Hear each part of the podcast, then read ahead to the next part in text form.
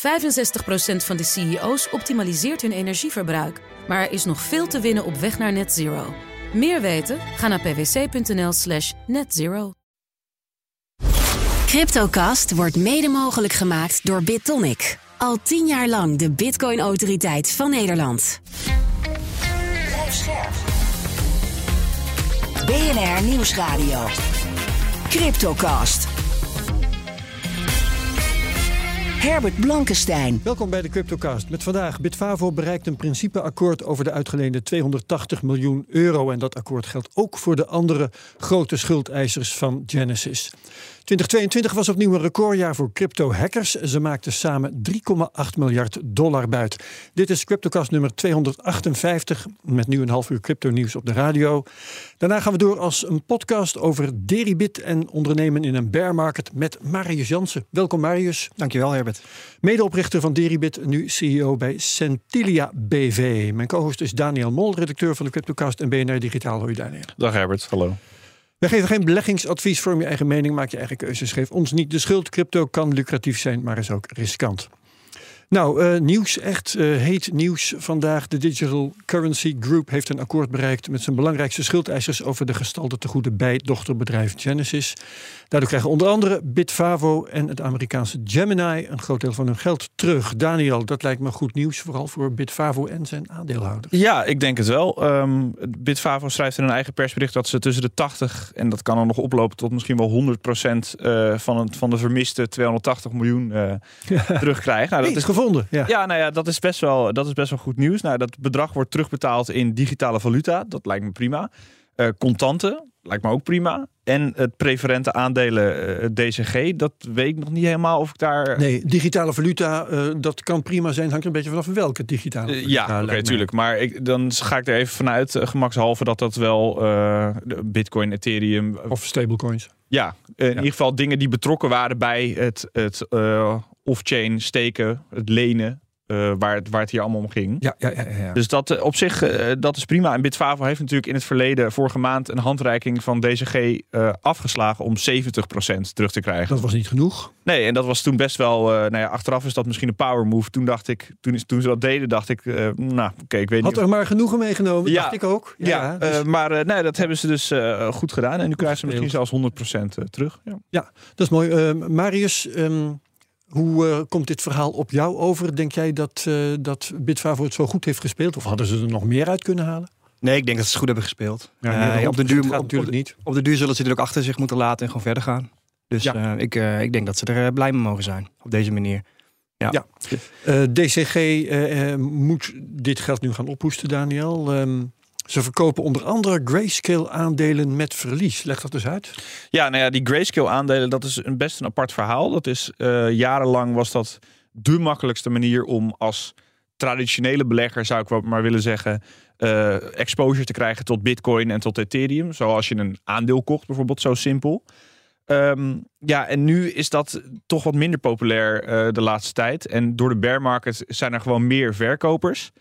En um, ja, dat Grayscale, dat, is, dat Grayscale Bitcoin fonds en dat Grayscale Ethereum fonds, dat zit best in, uh, ingewikkeld in elkaar. Want je kan daar niet zomaar uh, bitcoins uithalen. Dus dat heeft als gevolg dat je als de prijzen beginnen te verschillen, uh, zeg maar als er verschil komt in de bitcoinprijs, omdat er vet veel verkopers zijn, dan zou, normaal zou je zeggen, joh, als bitcoin elders duurder is, dan arbitreer je dat gewoon weg. Maar mm -hmm. omdat dat niet kan, krijg je dat soort enorme verschillen. En ik heb vanochtend even gecheckt, er is nu 43 procent discount op een fonds, de, het Bitcoin Grayscale fonds. Dus als je zo'n aandeel Grayscale verkoopt, uh, uh, een aandeel dat 1 Bitcoin waard zou moeten zijn, dan schiet je er 43% bij in. Ja, precies. En dat heeft de, de Digital Currency Group, die hebben natuurlijk best wel, best wel een groot deel van die aandelen.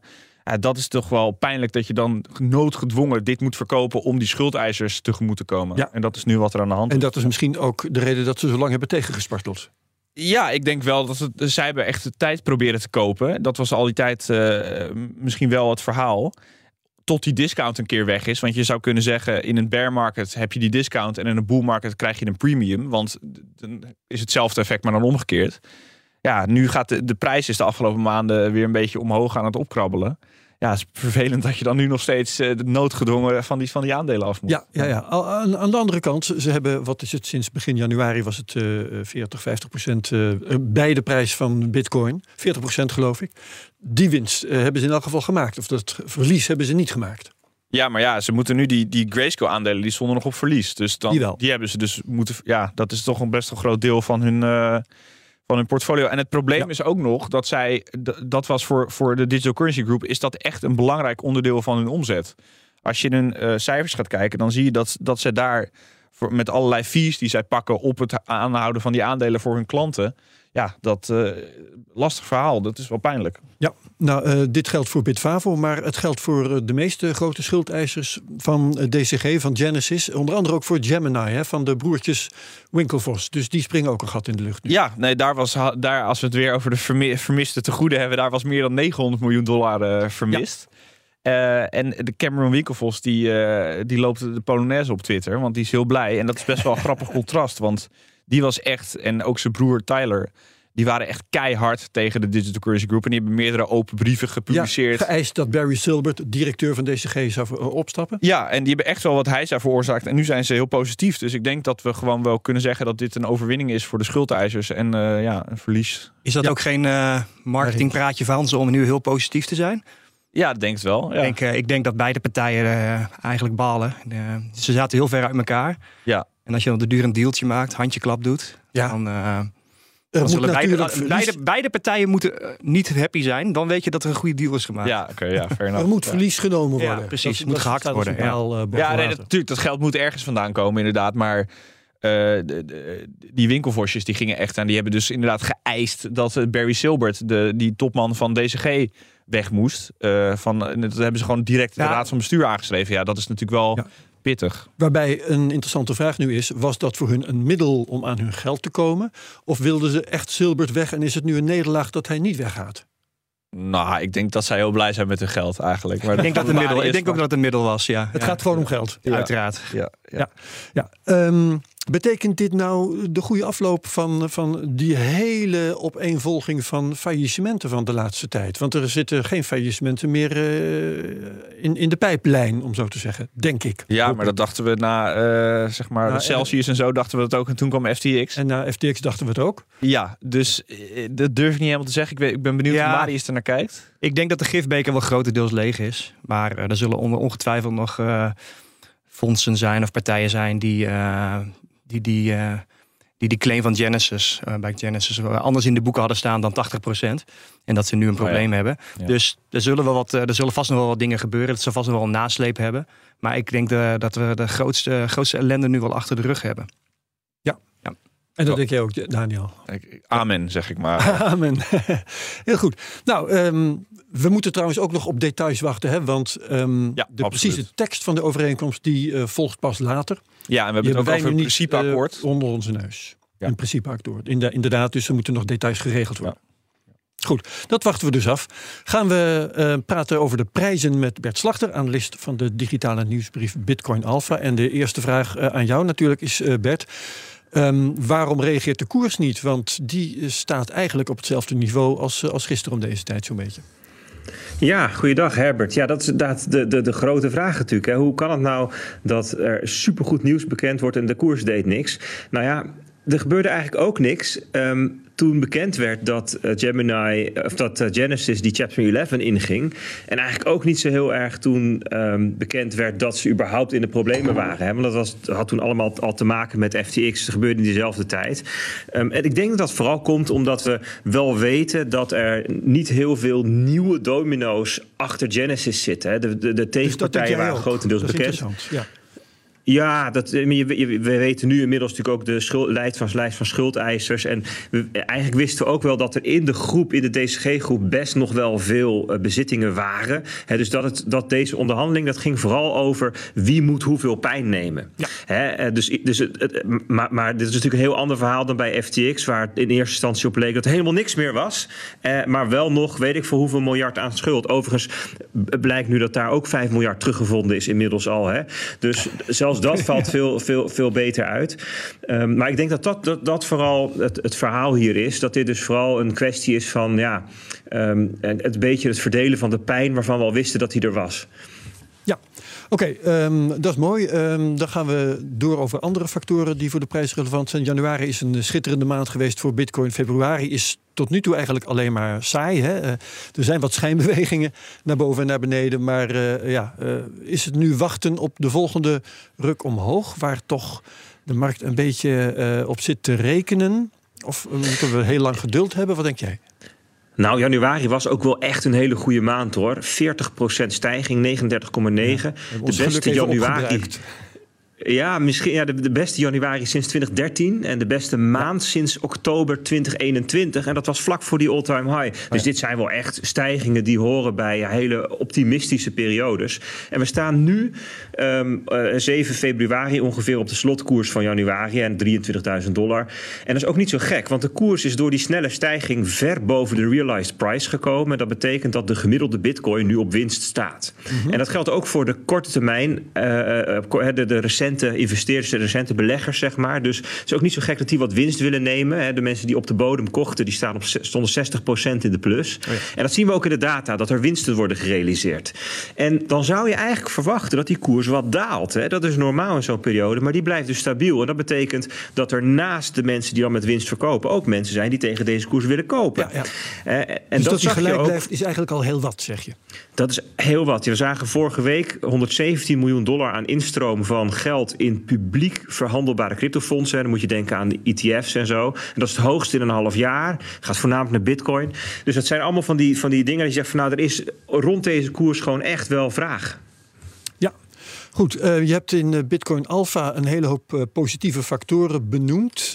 Wat zijn daarvan de belangrijkste, als je je daartoe kunt beperken?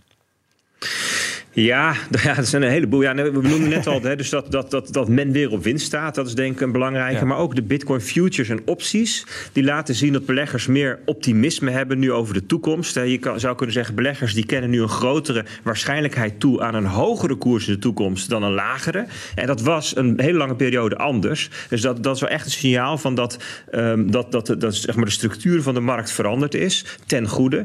Uh, dus dat is een mooie aanwijzing, zou je kunnen zeggen. Um, en ook macro-economisch was er natuurlijk een heleboel aan de hand vorige week. Hè. We hadden de speech van uh, Jerome Powell na het rentebesluit. Overigens ook ja. een rentebesluit in Europa en in Engeland. Um, dus ja, dat, dat, dat, dat heeft ook wel... Um, de speech van Powell zorgt voor wat wind in de rug.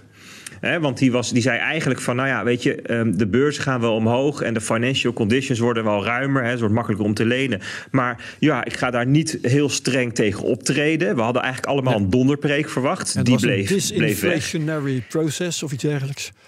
Ja, hij had heel veel over disinflation. Hè? Het ja. omlaag komen van de inflatie. Dus voor het eerst dat hij dat zo expliciet, ik geloof wel twaalf keer benoemt. Dus dat geeft, hij spreekt ook een soort positiviteit, dus optimisme uit.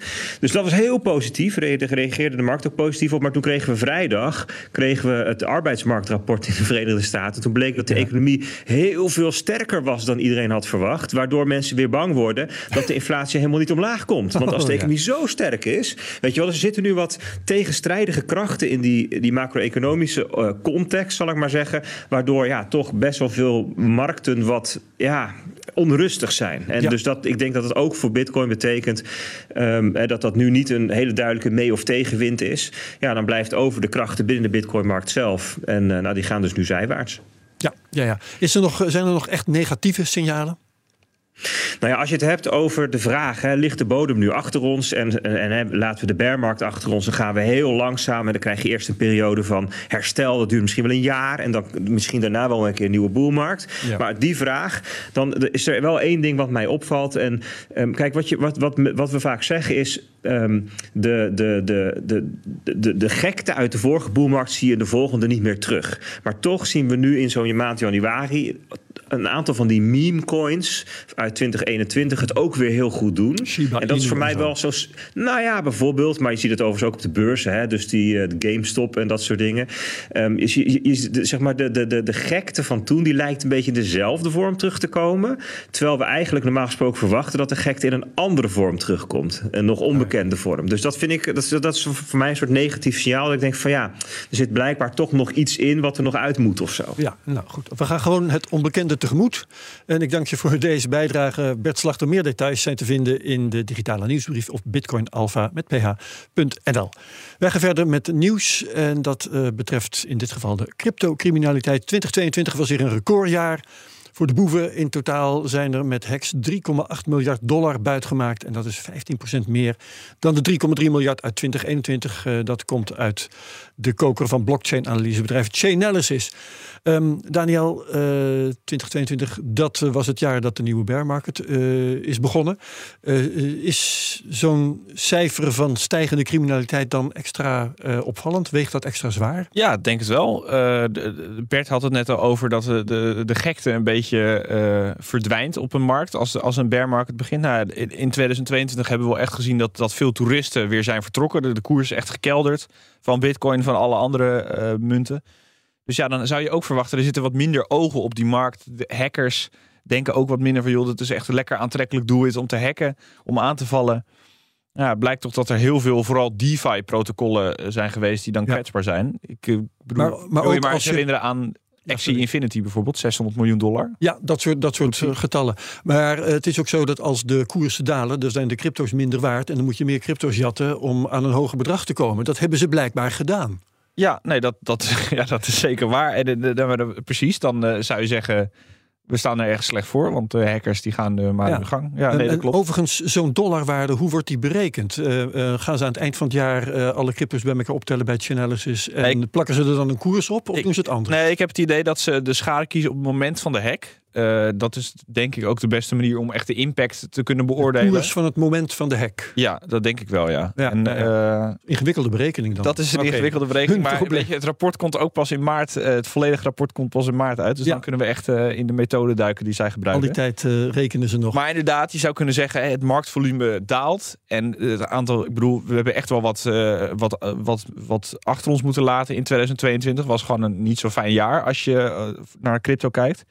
En toch zijn, is er meer bij elkaar gehackt. Dus dat ja. is dan wel pijnlijk. Ja, ja. En vertelt Chainalysis er ook bij wie er achter alle hacks zitten van zo'n jaar? Nou, in ieder geval voor een groot deel wel. We kunnen namelijk 1,7 miljard, als we Chainalysis moeten geloven, en die zijn best goed in hun werk. Uh, 1,7 miljard kunnen we al toeschrijven aan uh, onze vrienden uit Noord-Korea. Echt waar? Uh, okay. Ja, dus ja. die, die zijn gewoon heel goed in het hacken van vooral dit soort kwetsbare DeFi-protocollen. Want daar hebben ze het echt op gemunt. en dat is volgens mij gewoon een bijna een soort uh, ja, serious business gewoon daar. Dat is, ik zou, kan me ook niet voorstellen dat dat niet de Noord-Koreaanse staat is die daarachter zit. En de Lazarus ja. Group. Marius Jansen. De laatste, ik, ja, wat ik erover wil zeggen is dat wij, wij hebben ook zoiets meegemaakt. Jullie en, zijn ook uh, gehackt. Ja, en, en uh, ja. dan krijg je wat inzage hoe, die, hoe zo'n chain analysis bedrijven, hoe die de, de, de blockchain uh, onderzoeken. Mhm. Mm -hmm. En um, wat, wat, wat Noord-Korea, wat de Lazarus groep dus uh, laat zien, is dat ze niet heel erg bezig zijn met het ver, verdoezelen van waar de transacties heen gaan. Of, of die bitcoins, die worden niet heel erg gemixt. Die hebben zoiets van, uh, ja, omdat, uh, omdat ze Noord-Korea zijn, kom ons maar halen. ja, ja, dat, dat, dat is, is het. Wel, uh, ze, ja, ja, ze, voelen zich maar, onschendbaar. was jullie, jullie zijn gehackt voor volgens mij 27 miljoen, zat er in die hot wallet die gehackt is? 28, ja. 28, excuus. Ja. zit daar ook Noord-Korea achter of weet je dat niet zo? Nou, alle waarschijnlijkheid niet. Oké. Okay. Ja. Enig idee wie wel? Nee. Nog niet. Nee. nee. Oké. Okay. 27, 28 miljoen in een, in een hot wallet. Um, is dat normaal? Uh, Zo'n groot bedrag in een wallet die op internet is aangesloten, was dat, was dat nodig? Ja, dat, is, uh, nodig om, uh, dat was nodig om de withdrawals, de opnames van klanten zo snel mogelijk te laten, te laten gaan. En dit is maar een heel klein percentage van wat het totaal aan, bij ons gestald is. Ja. En dit was binnen de marge. Dus dat, dit, okay, dit, dit, ja. dit, mag dan een keer gebeuren, als je maar zo te zeggen. Hoe werd die hack mogelijk? Um, ja, er wordt, er wordt nu allemaal onderzoek naar gedaan. Ik kan niet te veel in details daarover treden. Uh, okay. Maar uh, ja, um, dat, dat, dat weten we nog niet precies. Nee, nee, nee. En de maar er, er is wel... Uh, shit, we hebben niet heel veel tijd meer. Maar de, er is inderdaad wel... Chainalysis heeft zo'n soort van eerste hulp bij hacks service. Hè? Hebben jullie daar gebruik van gemaakt? wij hebben van een ander bedrijf gebruik okay. gemaakt, ja. Ja, dat is maar wel, maar wel zulke, zulke bedrijven worden wel... ja. ja. Ja, nee goed, dan eh, gaan we ook over dit onderwerp trouwens in de podcast verder praten. Dat lijkt me eh, heel geschikt daarvoor. Ehm, we gaan het uh, ook over Deribit hebben. We gaan het hebben over het feit dat Deribit last heeft gehad van het domino-effect in de cryptomarkt. kun je, want jullie deden zaken met Three Arrows Capital, hè? een bedrijf dat al in een vroeg stadium vorig jaar onderuit ging. wanneer wist jij, Marius, dat het daar foute boel was? Um, op het moment dat, wij, dat er werd gevraagd door, door door partijen om er geld bij te storten. En omdat ze in de min stonden. En uh, ja, dat het toen na een paar uur niet kwam. Toen wisten we wel van oké, nu, uh, nu is het foute boel. Ja, ja, ja. En hoeveel schade hebben jullie daardoor geleden? Ongeveer 80 miljoen. Oh la la. Ja, ja. dat is wel... Uh... Ja. ja. En wie er, heeft... zijn, er zijn dagen dat we meer hebben verdiend. Ja. Oh, dagen dat je meer hebt verdiend? Nee, of minder hebt verdiend. Maar ja, ik meer, zeggen, meer verdiend als je 80 miljoen verliest dan. Nee, maar het was, een, uh, dat, was natuurlijk wel een aderlating. Maar uh, ook uh, gelukkig zijn wij een winstgevend bedrijf. Ja. En zijn we zoals vorig jaar nog in de zwarte cijfers gaan. Ja. Kon het, kon het even vergelijken met Bitfavo? Hè? Kon in jullie geval het bedrijf dat meteen ophoesten? Ja, dat kon wel ophoesten, ja. Dat stond gewoon op de bank? Ja. Nou, niet op de bank, maar hadden we in reserves, inderdaad. Ja. Ja, dus uh, daar hebben ook klanten en dergelijke geen, uh, geen schade van. Nul schade van gehad. Ja. Ja. Oké, nou dat is een, uh, een mooi onderwerp voor de CryptoCast. Gaan we het zo allemaal over hebben? Gaan we het zo allemaal over FTX hebben? FTX komt ook nog voorbij. Oh, leuk. Gezellig. Nog gezellig worden. Um, tot zover op dit moment de CryptoCast op BNR. Ehm, wie meegaat naar de podcast zo direct, die eh, is daarbij hartelijk welkom. Wie niet meegaat, ook goed. Maar dan graag tot de volgende CryptoCast op de radio bij BNR. Dank aan mijn gast Marius Jansen van Diribit. Dank aan co-host Mol. En heel graag tot volgende week bij de CryptoCast op BNR. CryptoCast wordt mede mogelijk gemaakt door BitTonic. Al tien jaar lang de Bitcoin-autoriteit van Nederland. 65% van de CEO's optimaliseert hun energieverbruik. Maar er is nog veel te winnen op weg naar net zero. Meer weten? Ga naar pwc.nl/slash netzero.